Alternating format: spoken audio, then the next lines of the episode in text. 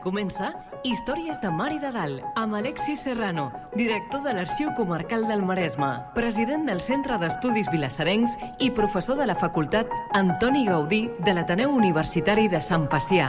Un programa sobre el nostre passat, les històries, les tradicions, els personatges i el patrimoni de Vilassar de Mar. Una producció del Centre d'Estudis Vilassarencs en col·laboració amb Vilassar Ràdio i sota la coordinació de Núria Gómez. És ben erradicada en el pensar col·lectiu que a l'edat mitjana la gent era estulta, supersticiosa i endarrerida, molt més del que ho som actualment. Per refermar aquesta idea, sempre es posa per exemple que a l'edat mitjana tothom creia que la Terra era plana i que si algú intuïa que era rodona no gosava dir-ho per por a les represàlies de l'Església. En la construcció d'aquesta idea infundada ha esdevingut crucial la peripècia de Cristòfol Colom, que en la seva pretesa descoberta d'Amèrica suposadament va demostrar la forma esfèrica del planeta. Avui, a Històries de Mar i de Dalt, desmuntarem el mite de la creença de la Terra plana i cercarem els orígens de l'actual moviment de terraplanisme. Avui, a Històries de Mar i de Dalt, parlem de la forma de la Terra.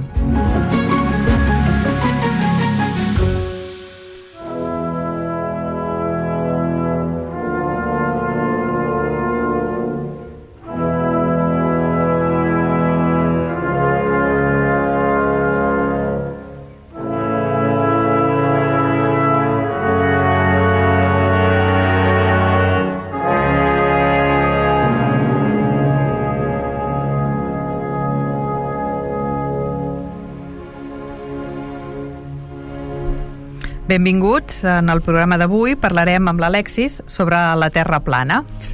Eh, doncs sí, Núria, hem triat aquest tema que pot semblar un tema d'història, però és un tema que també és un tema de rabiosa actualitat. L'altre dia sentíem que un celebrat havia s'havia construït una mena de coet per enlairar unes càmeres per demostrar que la Terra era plana i, oh, sorpresa, a la mesura que anava agafant alçades, anava veient la curvatura del planeta. Bé, la realitat és que, com bé deies, eh, hi ha la creença, entre molts dels que ens envolten, d'aquesta imatge que tenim de l'edat mitjana, eh, en molts casos inventada, realment, hi ha la creença eh, de que l'edat mitjana tothom creia que la Terra era plana. La realitat, o, o, o que com a mínim si algú tenia la intuïció de que no ho era, no gosava dir el contrari. La realitat era ben diferent a l'edat mitjana, intentarem demostrar-ho avui, hi ha tota una sèrie d'autors i d'escriptors que parlen de la forma de la Terra i, òbviament, parlen de la forma esfèrica o de la forma del globo de la Terra. Si haguérem si haguera de demostrar amb una imatge si haguera de demostrar amb una imatge eh, això que dic, de seguida ho tindria acabat. N'hi hauria prou amb imaginar, per exemple, una talla de la Mare de Déu, qualsevol talla eh, gòtica, per exemple, com la mm. Mare de Déu de Montserrat, que a la, a la mà hi té un planeta, i té un planeta rodó, sí. no? i té una cosa plana, no? i té una pizza, té una pilota. Uh mhm. -huh. Per tant, ja només amb aquesta imatge ja quedaria més o menys explicat. Però si anem a buscar, si algú fa l'esforç d'anar a internet i buscar la imatge de qualsevol emperador, és igual l'emperador que sigui, des de Constantí el Gran a Carlemany, des de Carlemany a Frederic II de la Casa de Suàbia.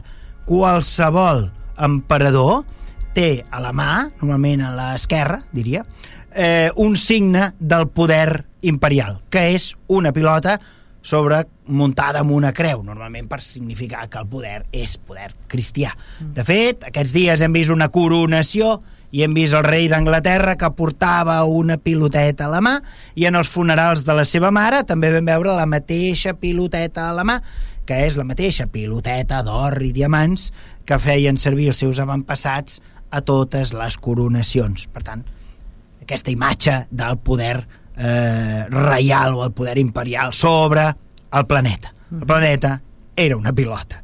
Ho sabien a l'edat mitjana i ho sabem tots.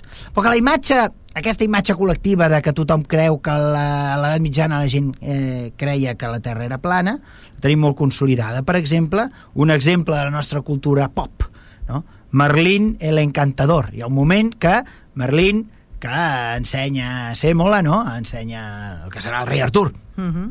Li explica coses, eh? I torna del futur i torna al futur, del futur amb bermudes i amb ulleres de sol i diu, ah, vinc del futur i, eh, descobriran coses increïbles descobriran, per exemple, que la Terra és rodona no?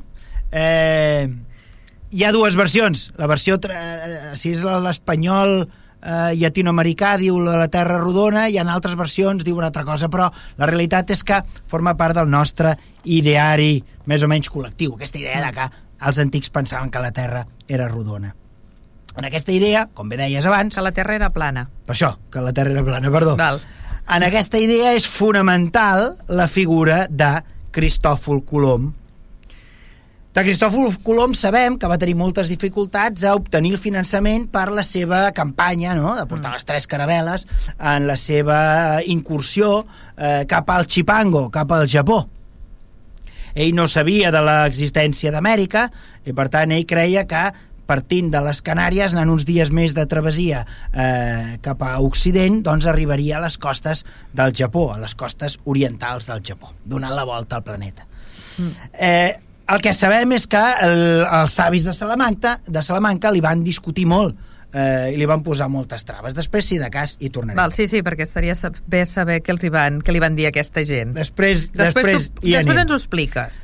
La, la cosa curiosa és que és ple a internet si la gent fa l'esforç d'acudits, no?, de les tres caravel·les precipitant-se eh, per, per una cantonada del mar, no?, caient eh, d'alt a baix del mar, no?, i algú dient ah, era, era rodona, eh, Colom era rodona, o acudits d'aquesta mena, no?, uh -huh. de, de naus precipitant-se al buit.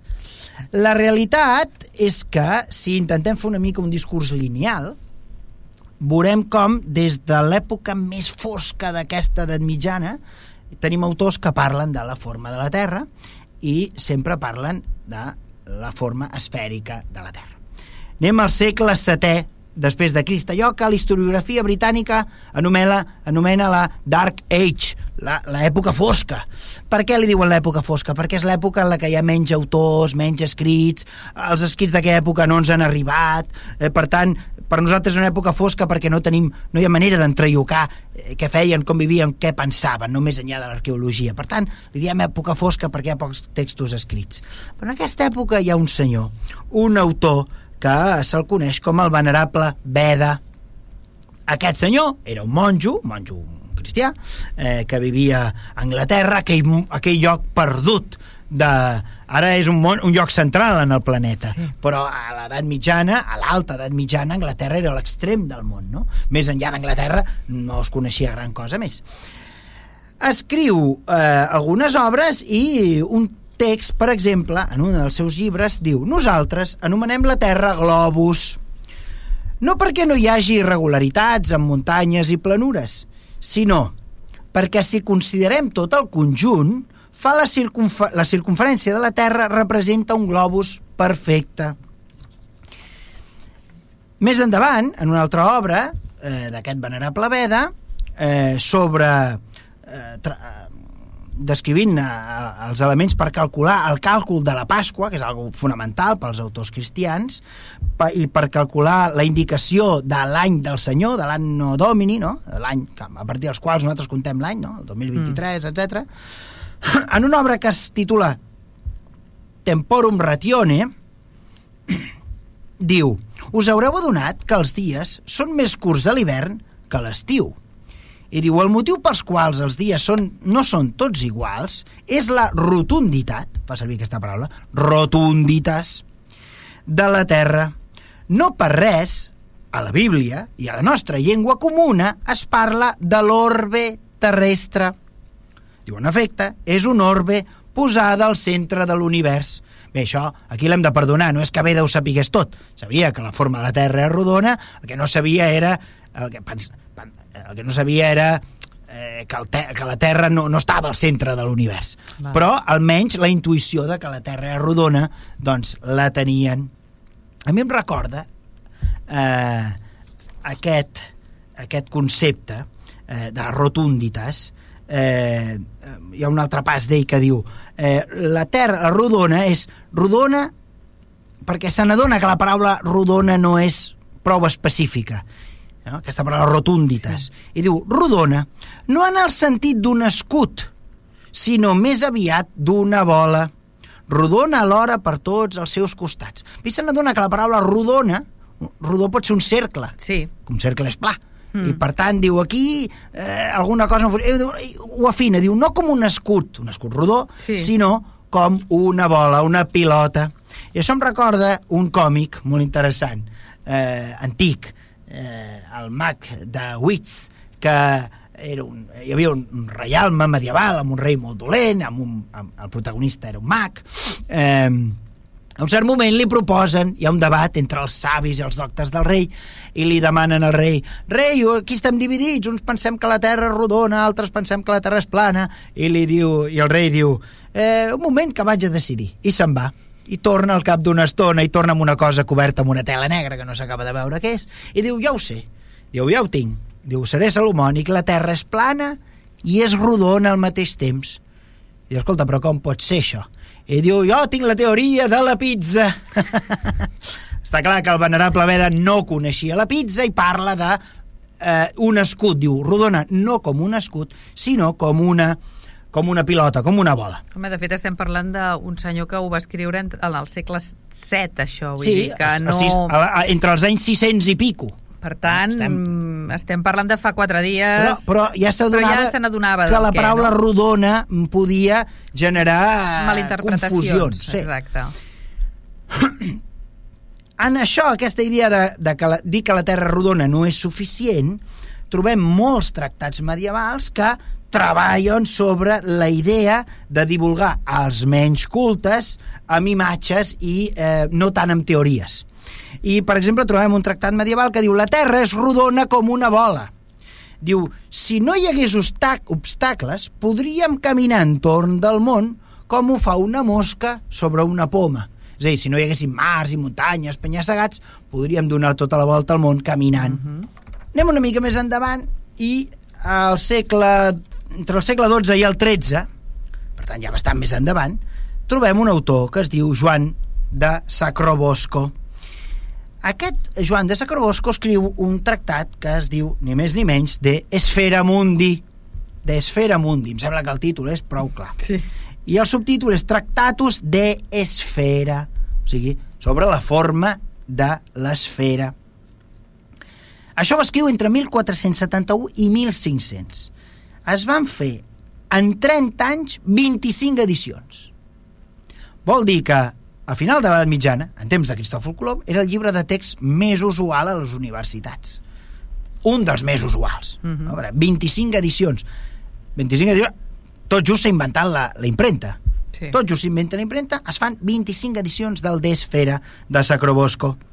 Per tant, a la gent li interessava el tema i es documentava com a mínim. No tota la gent, però Bueno. sí a la gent que estudiava. Bueno, Per tant, aquests llibres s'estudiaven a les universitats, que totes elles, totes elles formaven a clergues, doncs tots els clergues tenien accés a aquests llibres mm. i sabien que la Terra era, tenia aquesta forma. Per tant, tots els savis de Salamanca havien llegit el De Esfera quan parlaven en Cristòfol Colom. Mm. Per tant, el coneixien perfectament.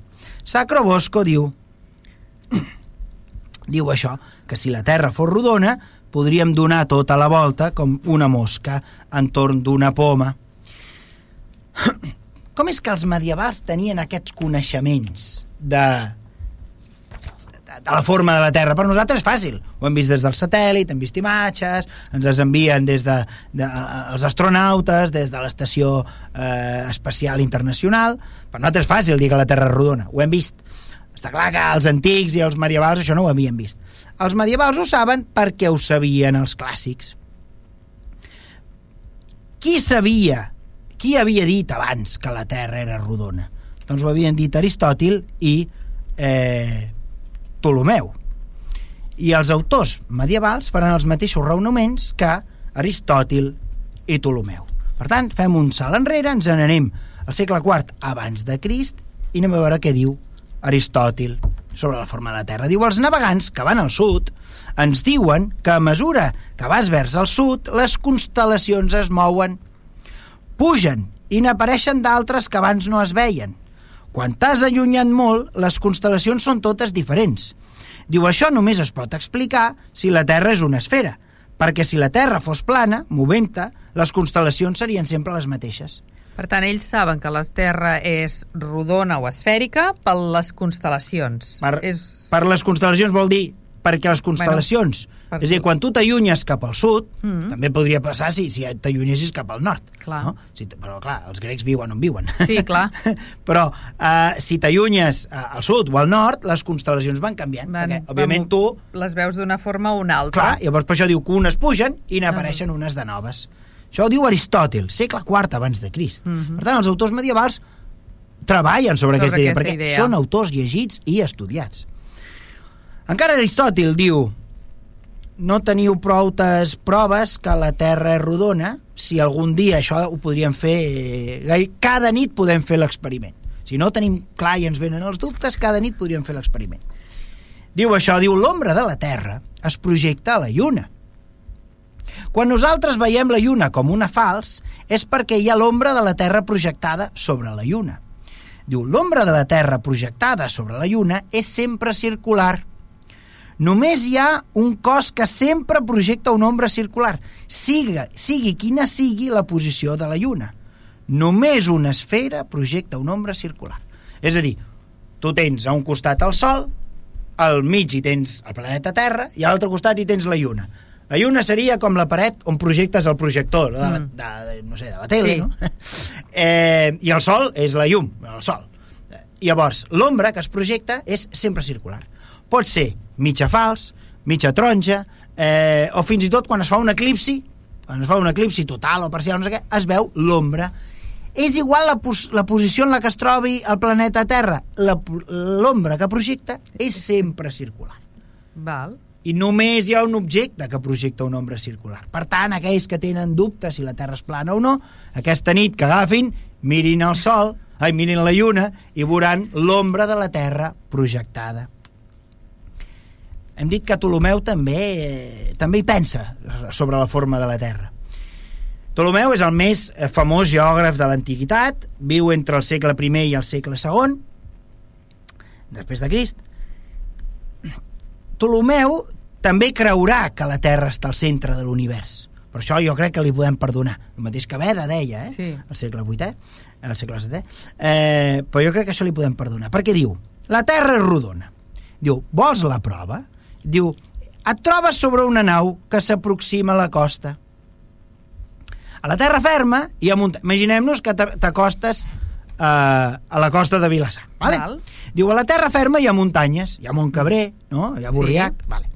Diu, primer veus la punta de les muntanyes. Primer veus el castell de Borriac, després veus la, punta, la creu de Montcabrer. Diu, després, a mesura que t'acostes, veus la base. I al final de tot, quan ja estàs quasi a tocar, veus la platja.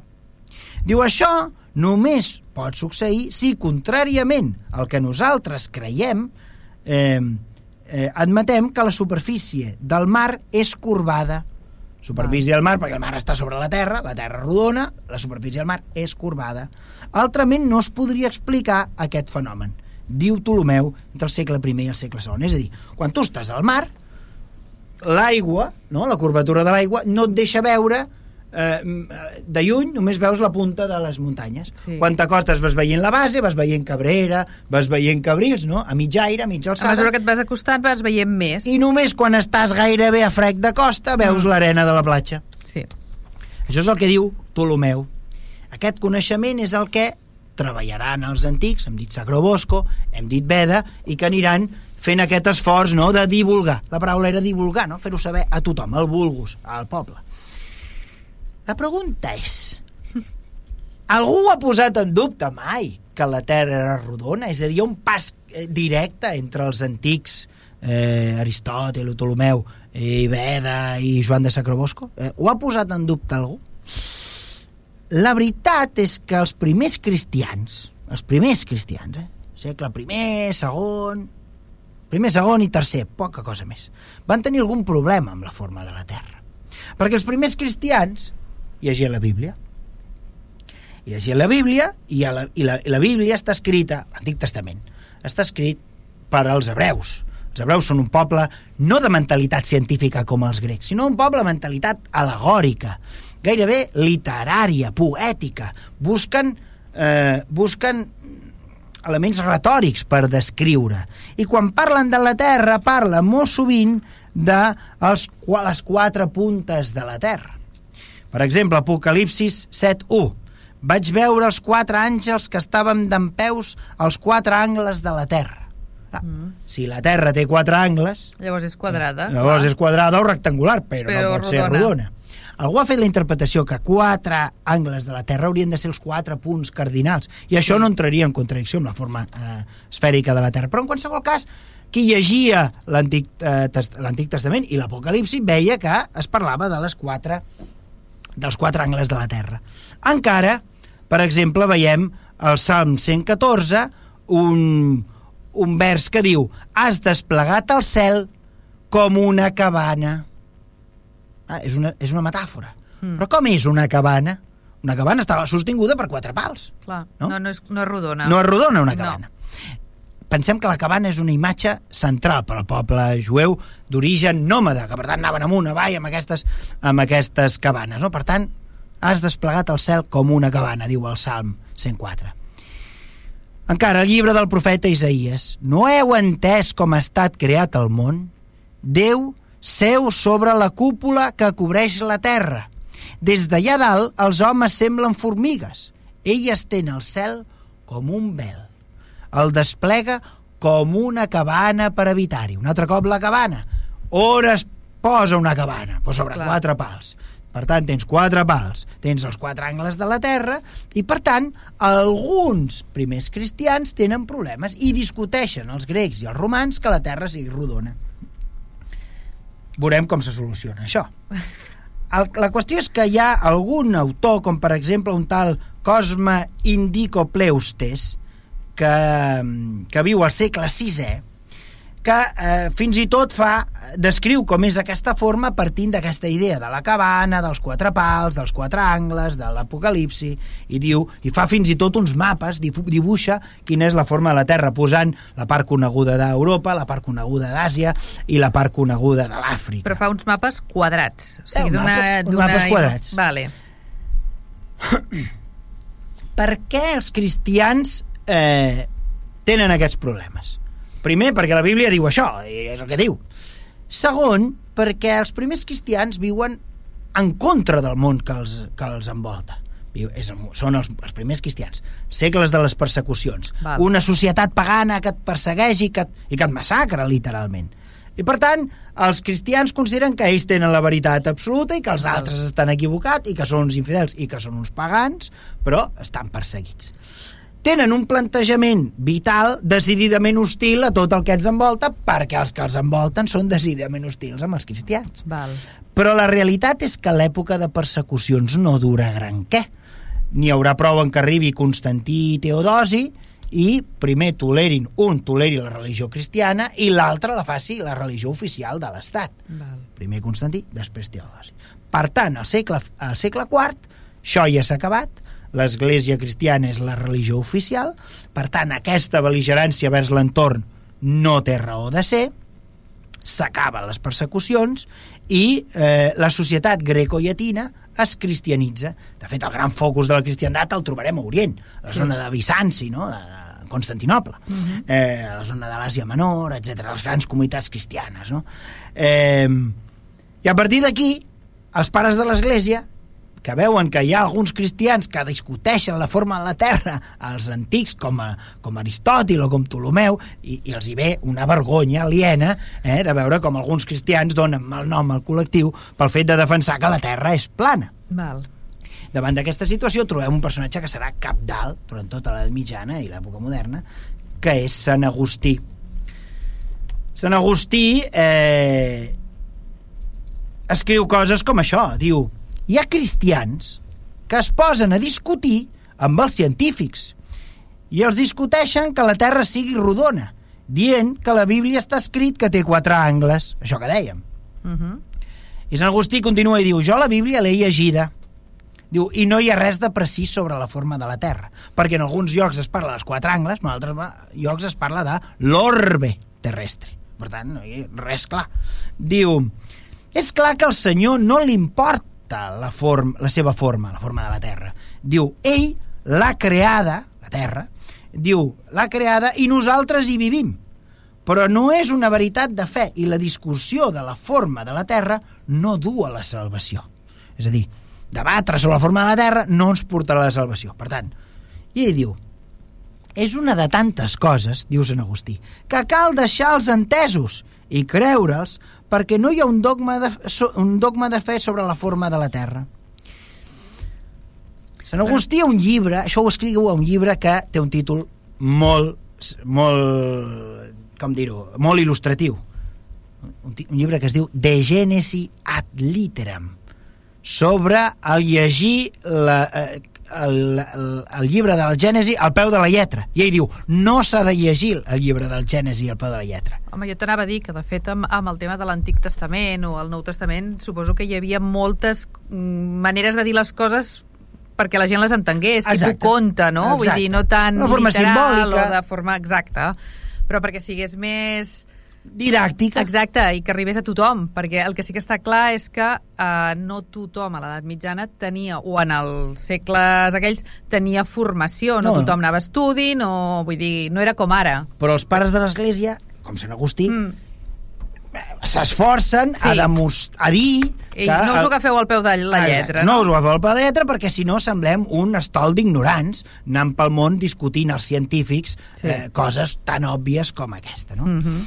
Diu, eh, Sant Agustí, eh, de Genesi et Litram, diu sovint un pagà és coneixedor del cel i de la terra i del moviment dels estels i aquests coneixement el posseix amb certesa perquè l'ha obtingut, alerta de la, de la, del binomi, l'ha obtingut per la raó i per l'experiència.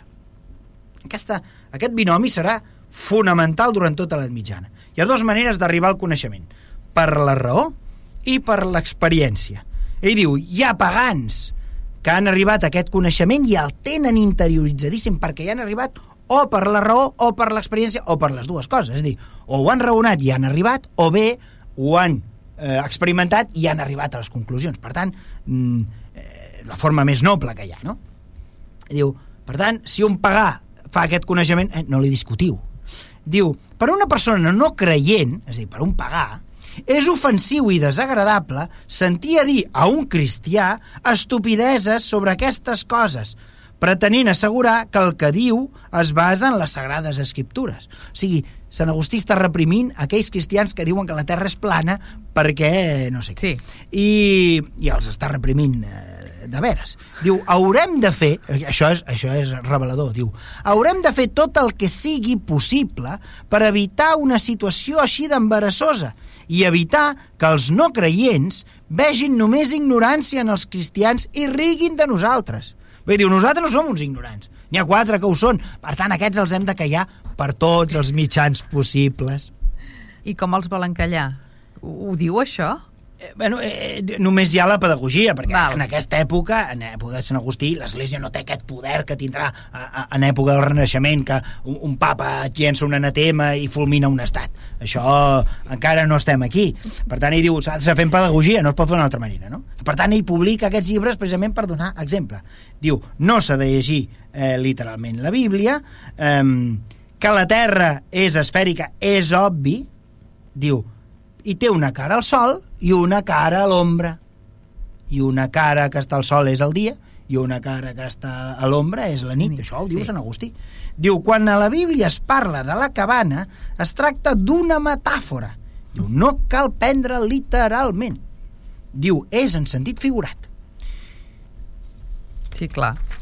És que és Això perquè la diu. gent ho entengui. Això és el que diu Sant Agustí. Mm. Una mica més endavant, un altre autor que serà tan important com Sant Agustí, si no més, per a l'ensenyament, per l'ensenyament universitari eh, medieval, de les universitats medievals, és Sant Tomàs d'Aquino. Sant Tomàs d'Aquino té una obra monumental, que és la Summa Teològica, que és un, no sé, de 12 volums enormes, de Una enciclopèdia, mil quasi, no? pàgines cada un, és una cosa monumental. Tot el coneixement de l'època està condensat aquí. Santo Tomàs d'Aquino, eh, no, no comentarem tots els volums, de, però eh, No, perquè si no, no acabaríem, eh? fa un prefaci a la suma teològica, no? fa un, Sí. un pòrtic, i en el pòrtic mm, tria un exemple. Diu, eh, la veritat i el coneixement existeixen i s'hi pot arribar només per la raó. Són autors medievals els que diuen això, eh? La veritat i el coneixement existeixen. Una època com nosaltres que discutim tot, que tot és Sí. líquid, que tot és fake news, no? I diuen, la veritat en veritat existeix. I el coneixement, i el coneixement existeix. Diu, i s'hi arriba només fent servir el coco, Coco. la raó. No estem parlant de gent estulta, estem parlant de gent que escriu això, eh? Diu, diverses són les disciplines que porten a la veritat, que porten al coneixement. Hi ha diverses disciplines. Diu, per exemple, agafem dos exemples, un físic i un astrònom. Diu, i posa un exemple. Diu,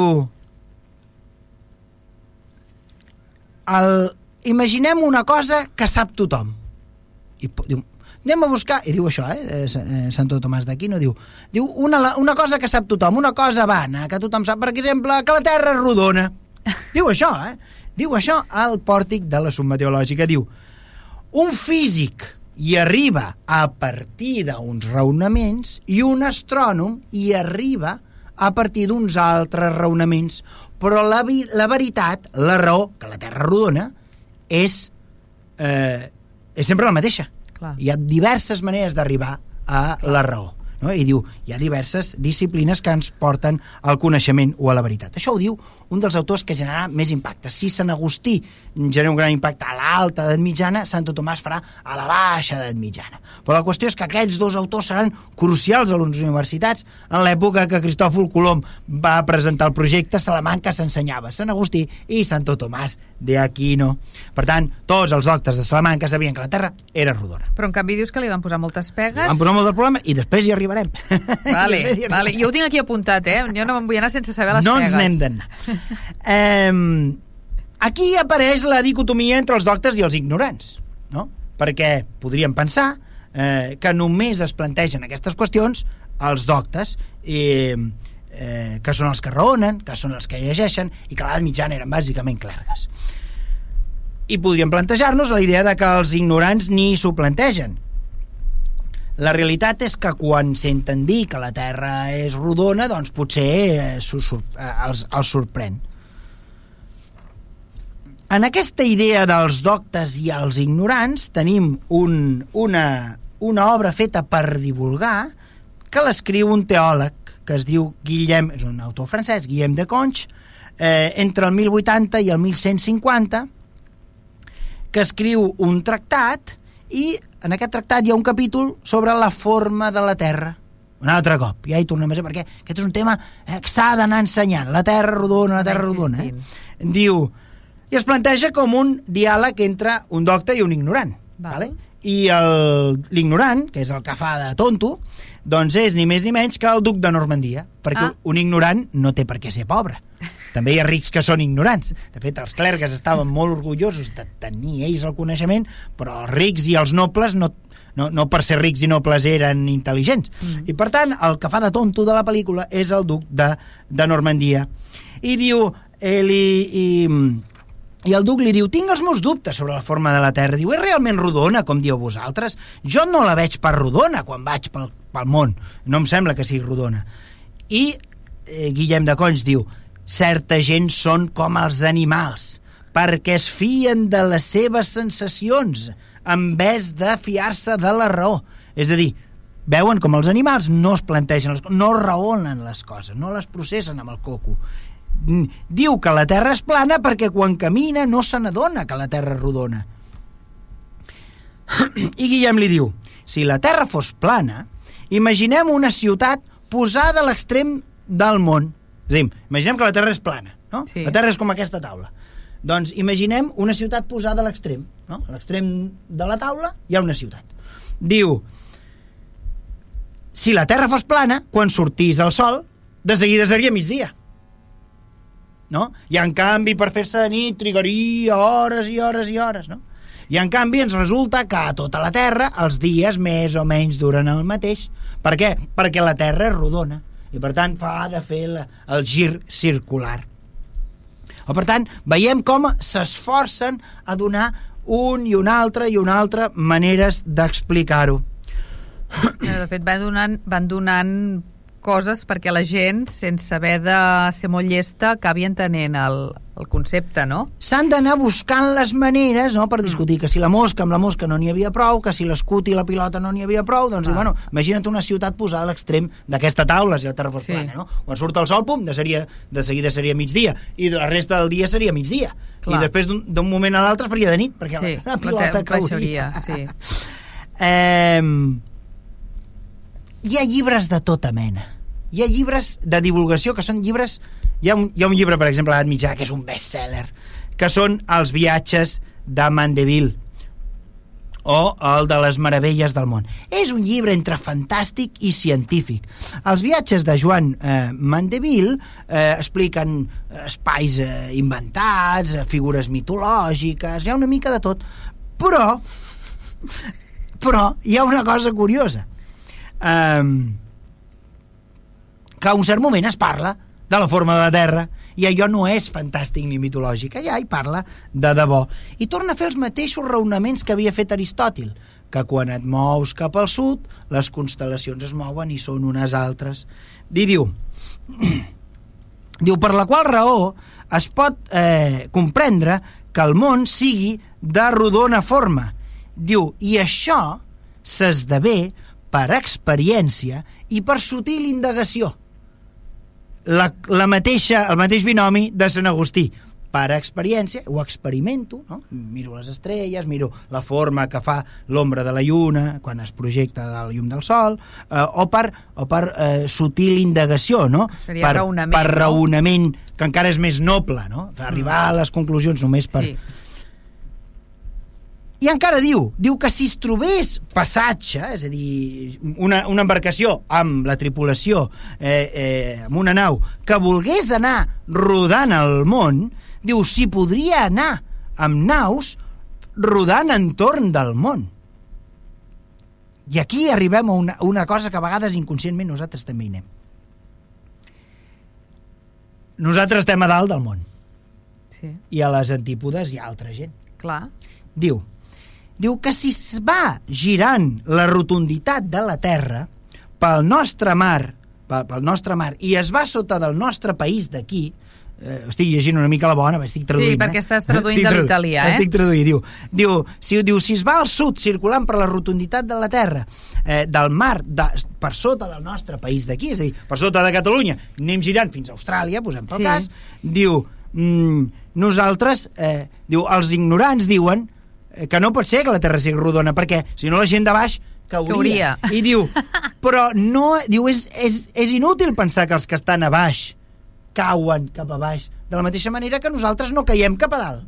Clar. Perquè nosaltres estem a dalt respecte a ells que estan a baix, però per ells nosaltres som els que estem a baix i Clar. ells són els que estan a dalt. Per tant, si nosaltres no caiem cap amunt, és, no han descobert encara la llei de la gravetat, però saben que estem tots enganxats a la Terra.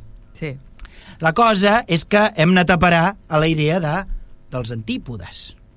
És a dir, de, de, de la gent... Els antípodes, nosaltres, per nosaltres les antípodes és un concepte geogràfic. Les antípodes, diguem sí. Austràlia, no? Austràlia. Les, però, però els antics grecs, antípodos vol dir que són els que estan en contra dels nostres peus. Anti vol dir en contra. Tinc els meus peus aquí clavats a terra, faig un forat, vaig, vaig, vaig, i pum, Trobes hi ha uns altres peus. De... Hi ha uns altres peus enganxats, no? Doncs mm. són els nostres antípodes. Uh, D'això ve la paraula, no? Antípodes vol dir que estan contra els nostres peus. Diu, uh, ell diu, uh, diu, la gent, diu, a la grossa gent, no? diu, a la gent vulgar uh, li sembla que els que estan a baix poden caure. Diu, és inútil de la mateixa manera que nosaltres no caiem cap a dalt, pensar que és cauen cap a baix. uh, la cosa dels antípodes, els, els antics ho tenien molt clar, que probablement a l'altre costat del planeta hi visqués gent. Hi havia només un dubte. Es creia que o sigui, el, el planeta, sabem, al nord fa molt de fred. Sí. Al sud fa molt... Als pols fa molt de fred. Sí al mig hi ha unes zones temperades i al mig de tot hi ha una zona que fa molta calor, són els tròpics, no? Eh, fa una temperatura... Els antics no ho sabien, eh, no hi havien arribat, havien vist que quan anaven al sud, a un cert moment, cada vegada els dies es feien més xafogosos. I van arribar a la conclusió que no es podia travessar la part central del planeta de la calor. I es, de, es va crear el mite que se'n diu de la zona tòrrida, de la zona calenta. És a dir, aquesta faixa central, que seria l'equador de la Terra, que sí que és més càlida, però que òbviament la gent hi pot viure, però Sí. els antics pensaven que no es podia transitar. I per tant deien, probablement a l'altre costat de la Terra també hi ha homes i dones. Diu, el problema és que no s'hi pot traspassar, traspassar perquè fa molta calor. Val. Ni ells podien venir aquí, nosaltres Ah, podíem exacte. anar allà. Quedava com una franja que limitava Exacte. els dos mons. No? La realitat és que no s'hi havia arribat perquè les naus no estaven No, estaven preparades, preparades, per arribar. Però la realitat és que els antics havien fet aquest raonament. Nosaltres estem aquí, estem incomunicats dels de baix, dels nostres antípodes, Mhm. no? però perquè hi ha aquesta zona tòrrida. El... Aquesta zona tòrrida eh, mm, no és un problema pels antics, però per als cristians serà un problema. Els, els autors medievals es, es divertiran a tractar la idea de si hi ha antípodes o no, perquè ells llegeixen els clàssics, els grecs i els romans, i diuen probablement a l'altre costat del món hi ha antípodes, no s'hi pot anar per aquesta zona de la calor, però els cristians tenen un element més per afegir, que és que la creació, el llibre, el llibre del Gènesis diu que Déu va crear l'home, i Déu va crear l'home i de la seva costella una dona, i per tant els va crear un lloc molt concret, a la zona de la Síria-Palestina, no? Terra Santa, perquè ens entenguem, i per tant, allò és hemisferi nord. Mm. Per tant, si Déu va crear l'home a l'hemisferi nord, probablement a l'hemisferi sud no hi hagi humans. Llavors, hi ha autors que diuen que sí n'hi ha, autors que no, amb tots aquests elements. La cosa interessant és que quan a Cristòfol Colom eh, eh, li, li, discutiran, un dels elements que li posaran és el tema de la zona tòrrida, de com travessar la zona tòrrida. Aquesta és una de les pegues que li posen És els una de les pegues, però Vale. alguns científics de Salamanca diran com que no les tenim totes, de que aquesta zona sigui tan tòrrida com es creien els antics, diu, deixem-ho córrer. Per tant, un dels problemes que li posen és de la zona tòrrida, però no el principal. Diu, això deixem-ho córrer. El problema que li posen, el problema que li posaran, és bàsicament de dimensions de la Terra, aquest serà el principal problema, i l'altre serà el de la proporció de la Terra. El de la proporció de la Terra. Sabem que el planeta nosaltres el coneixem com el planeta blau, li diem planeta blau perquè la major part del planeta és aigua. Sí. I de fet n'hi ha prou mirar i pum, de seguida veus Vilassar de Mar. Diu Vilassar de Mar perquè el que hi ha a l'altre costat de l'arena és, És mar. Vale? Doncs eh, el, els antics havien teoritzat sobre, no podent eh, empiritzar-ho, eh, no podent arribar a la conclusió per experiència, doncs havien intentat raonar. I havien intentat fer la proporció. Eh, Aris- Aristòteles diu que la proporció és d'un a 10, és a dir, per una porció de terra, 10 porcions d'aigua. Per tant, hi ha molta més aigua de la, eh, molta més aigua que superfície emersa. I això per als antics, per als medievals, eh, per als antics medievals casa perfectament, perquè la, el Gènesi diu que Déu va fer emergir la terra de les aigües. Va separar les aigües i va fer emergir la Vale. terra. Per tant, si va fer emergir la terra és que hi ha més aigua que terra. Que terra. I per tant, això lligava bastant. Per tant, el tema de la proporció. El Ciceró, que no és precisament un supersticiós medieval, és un, autor, és un autor antic, diu que la terra emergida són com taques no? sobre la superfície de l'aigua. Eh, Per tant, eh, eh, hi ha molts autors que parlen d'aquesta petita proporció de terra. I per tant, eh, amb, aquestes, amb aquestes idees, que si la, els antípodes, que si la proporció d'aigua, que si les dimensions de la Terra, que havia calculat Eratòstenes, no? el diàmetre de la Terra l'havia calculat Eratòstenes, eh, ens trobem al segle XV. El segle XV eh, és una època, ho hem dit, és l'època dels grans descobriments, amb vigílies de que Cristòfol Colom eh, vagi a esbatre contra el continent americà, pensant que arriba al, Xip, al Japó, al Chipango, eh, amb vigílies d'això, els portuguesos han donat la volta a l'Àfrica i han demostrat que amb aquesta zona tòrrida no et mors perquè Ah. ells han travessat l'Equador han, Han la travessat, han donat han la volta a l'Àfrica dues vegades han travessat la zona tòrrida i han tornat diverses vegades i per tant la zona tòrrida ha quedat és veritat, l'Equador fa més calor, però no te mueres, i per tant, eh, aquest és un tema que ja els de Salamanca no discutiran a, a, a Cristòfol. El que sí discutiran és la proporció de terra sobre el mar i el diàmetre de la Terra. Cristòfol Colom el que fa quan presenta el projecte, el projecte és molt car, costa molts diners flotar tres embarcacions i demana, primer ho demana la monarquia portuguesa. La monarquia portuguesa diu que n'hi ha blar, que ja amb la ruta per l'Àfrica ja fa prou diners. Però els espanyols busquen la manera d'arribar a l'Índia per fer la ruta de les espècies per Occident, diguem així. I com que els espanyols controlen des del segle XIV, des del segle, finals del XIII, les Canàries, doncs diuen, bueno, nosaltres podríem anar des de, directament des de Gran Canària, no? així estalviem una mica, i anem cap allà, eh, cap a Occident. Cristòfol Colom tortura les dades, fa veure que Ptolomeu havia calculat en milles nàutiques o milles terrestres, agafa les que més li convenen, perquè no són les mateixes dimensions, eh, i els doctes de Salamanca li qüestionen això. Saben, perquè ho ha dit Ciceró, perquè ho ha dit Aristòteles, la proporció de terra que hi ha respecte al mar, saben que les dimensions de la Terra les havia calculat Eratòstenes i no són les dimensions que diu Cristòfol Colom, perquè Cristòfol Colom diu que en pocs dies s'arribaria a la costa del Japó. Val. La, per, per tortura nostra, Cristòfol Colom estava equivocat. Mm. La sort que va tenir és que van ensopegar amb tot un continent que hi havia al mig que ningú comptava qui fos. Val. El que va demostrar Cristòfol Colom no que la Terra fos rodona, ja ho sabia tothom. El que va demostrar és que la proporció de terra respecte al mar era més del que es pensaven els antics. Mm -hmm. Llavors, el, el, en Cristòfol Colom el que va fer és, per vendre el seu projecte, arreglar una miqueta les dades. Va no? arreglar, per exemple, eh, agafa eh, les, les xifres, les poques xifres, els pocs detalls que dona Marco Polo al Milione, no? Uh Mhm. -huh. I quan diu, no?, la peripècia, la Xina, etc etc. Eh, I eh, agafa i, i, i, i diu que la Xina és més gran del que, del que era. Clar, i per tant, si la Xina és més gran, vol dir que la part oriental de la Xina es projecta més cap a, cap a les costes canàries, perquè ens, Val. perquè ens entenguem. No? Tortura fa, fa aquestes... Tor... Perquè ens fem una idea. Eh, segons els càlculs de Cristòfol Colom, des de les Canàries a l'extrem orient, és a dir, a l'orient del Japó, hauria d'haver 4.500 quilòmetres, Val. segons Cristòfol Colom. Val.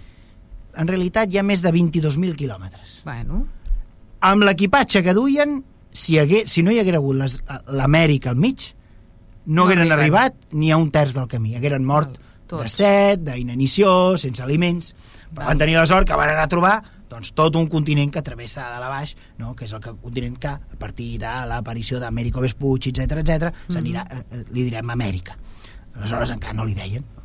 Eh, per tant, eh, el gran, el gran, el gran ensenyament de Cristòfol Colom és això, que la proporció de terra és, és, és una altra. El planeta segueix sent planeta blau, ja segueix havent més aigua que terra, però hi ha més terra de la que coneixem. I a partir d'aleshores anirem descobrint cada vegada una mica més de terra. Co- descobrint eh, eh, la geografia del continent americà sencer, al segle XVIII vindrà la geografia del continent australià, el subcontinent australià, per tant veurem com la, la terra mersa és superior. uh -huh. Però si les coses van anar així, és a dir, si Cristòfol Colom eh, no va descobrir, si tothom sabia que la Terra era rodona, sí. eh, qui, qui s'ho ha inventat que la Terra era rodona, era plana? Qui, qui, qui, qui ho ha dit? No? Doncs a mi m'agrada dir allò, com diu la, la, la cançó que hi ha a la vanera, que diu, tingueren la culpa Els els, americans." americans. Sempre tenen la culpa els americans. Tingueren la culpa els americans. Anem a buscar a buscar a buscar dos culpables, va. El primer, un autor que es titula Washington Irving, un gran autor molt conegut als Estats Units, menys conegut entre nosaltres, a Europa no el llegim massa, a, a Amèrica és un llibre de text, bueno, fins ara era un llibre de text, ara que tot això de Cristòfol Colom està una mica en entredit, segurament no tant, però fins ara la gent el, el llegia com nosaltres llegim, no sé, la Celestina o Ah. el Quijote, ells llegien eh, La vida i viatges de Cristòfol Colom, Bueno, de Washington Irving. Washington Irving eh, crea el mite de que Cristòfol Colom va discutir amb els savis i que els savis de Salamanca eren gent, adivina-ho, de la Inquisició, gent de l'Església, supersticiosa, que creien que la Terra era plana, que eren uns ignorants, i hem vist que tot això era mentida. sí. Però ell fa tot això i posa en boca dels savis de Salamanca la teoria, bueno, eh, Isaías, eh, el Salm 104, els quatre punts de la Terra, etc. Posa tots aquests arguments eh, en boca dels savis de Salamanca i els hi fa discutir, la seva obra, segle XIX, els hi fa discutir eh, a Cristòfol Colom. I aquesta invenció generarà un mite, generarà art, generarà literatura, ser i per ser, generarà pel·lícules, no? i veurem com ens aniran reproduint contínuament la idea de que Cristòfol va lluitar contra l'obscurantisme medieval de les universitats medievals catòliques que eh, eh, suposaven el, el progrés de la humanitat, perquè Cristòfol Colom és el, per ells, era, fins fa relativament poc, era el primer americà no? Ah, va descobrir Amèrica, és Clar. el primer americà. Ni genovès, ni català, ni espanyol, ni mallorquí. Americà. No, era primer americà perquè va portar llum a les tenebres. Va acabar amb l'edat mitjana. De fet, nosaltres considerem que la descoberta d'Amèrica no, posa punt i final a l'edat mitjana. Bueno, nosaltres, els historiadors. Sí. De fet, al Capitoli hi ha les Columbus Doors, les portes de, Col de Colom, que eh, hi ha les imatges on Cristòfol Colom discuteix amb els savis de Salamanca. Per tant, mai ningú ha escrit que la Terra és plana, més enllà de Cosme Pleundicos, que ho han dit, eh, un autor del segle VI, eh, no. Hi ha un altre americà que ha escrit sobre això. De fet, el primer llibre que va sortir públic, el primer llibre escrit en època des de l'edat mitjana fins als nostres dies, escrit sobre la forma de Terra dient que la Terra és plana, el va escriure un tal... Eh, un tal eh, William Carpenter. Aquest William Carpenter eh, escriu un llibre que es diu Les, les 100 proves que demostren que la Terra no és un globus.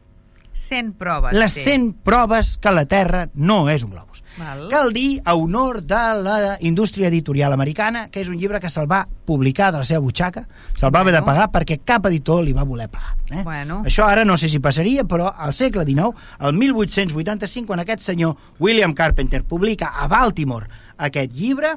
Eh, és una autoedició. És una autoedició, se la paga ell.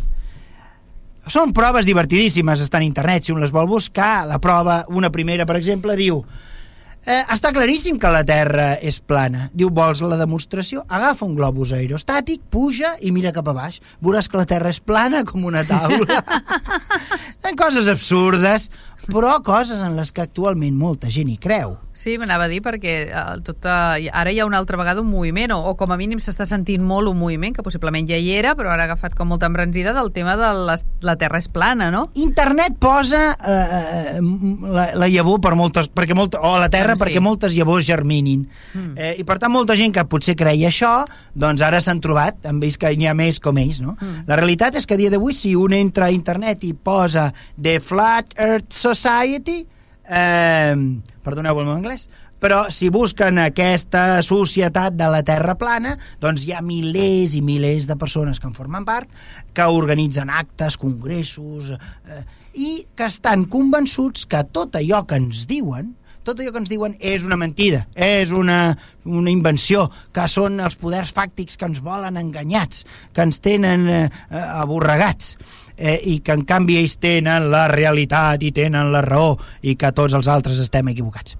Eh, critiquen moltes coses, defensen coses a vegades una mica extra, sí, una mica bracadavèriques, però la realitat és que aquesta gent existeix.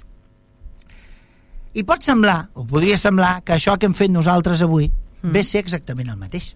Nos, jo he partit dient eh, a Cristòfol Colom la idea que tenim més o menys tots al cap és que li van discutir que la Terra fos, eh, fos rodona no? Sí. Eh, i jo he dit, no, anem a veure les fonts per veure realment què hi ha. I hem vist que tots, molts autors de l'edat mitjana sabien perfectament que la Terra rodona i s'esforçaven per donar-ho a conèixer.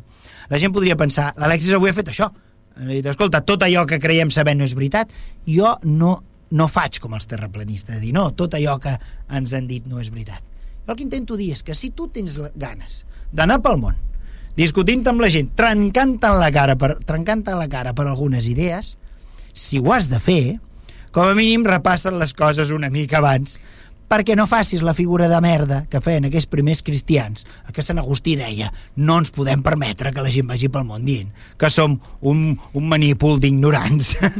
Això està clar, això està clar. I de fet, jo penso que després de tot el que ens has explicat, a tots ens ha de quedar clar que la Terra és rodona. I... O com a mínim, no? Jo insisteixo, si algú aquesta nit té dubtes, que mirin la lluna i mirin la forma que fa l'ombra de la Terra que es projecta sobre la lluna. Perquè la lluna també sempre és circular. Sí. I l'ombra que s'hi projecta, que és l'ombra de la Terra, mm. doncs, eh, ho sento, senyors, no hi ha res a fer, és sempre circular parcialment o totalment, amb un eclipsi, amb mitja lluna, mitja fals, una fals creixent, una fals eh, menguant, però la realitat és que sempre. Per tant, jo crec que més que això ja n'hi ha prou. Ara, si algun tenen la sort d'agafar una barca i anar-se marandins, que facin l'altra prova, que és la de quan, mirar. Quan s'acostin, veuran que primer veuran la cresta de Montcabré i de Borriac, en el cas que sigui la platja de Vilassar, s'entén, i que més tard veuran eh, a mitjaire Cabrils i Cabrera, i que ja quan estiguin a la vora veuran, primer veuran les cases de Vilassar i la platja eh, molt probablement no la vegin, veuran les roques de l'escollera del passeig, perquè la platja, no sé, ni està ni se l'espera, almenys aquest any. Bueno, però sí que el que està clar és que veuran, aniran, aniran baixant. Aniran baixant. Aniran veient, aniran no? baixant. Bueno. El que està clar és que si ho fan de la vora de la carretera de Cabrils, veuran els estudis de Vilassar Ràdio, que és des d'on els saludem a tots plegats. Molt bé. Doncs eh, em sembla que ho deixem aquí per avui. Jo, jo et segueixo dient, eh? La Terra rodona. Pels quatre costats. Exacte. Hem arribat al final del programa. Recordeu que podeu tornar a escoltar el programa a través de vilassarradio.cat i a Spotify buscant Històries de Mar i de Dalt. També us podeu subscriure al canal de Spotify per rebre el programa cada setmana. Adeu i fins al proper programa. Històries de Mar i de Dalt, un programa sobre el nostre passat, les històries, les tradicions, els personatges i el patrimoni de Vilassar de Mar. Una producció del Centre d'Estudis Vilassarencs en col·laboració amb Vilassar Ràdio i sota la coordinació de Núria Gómez.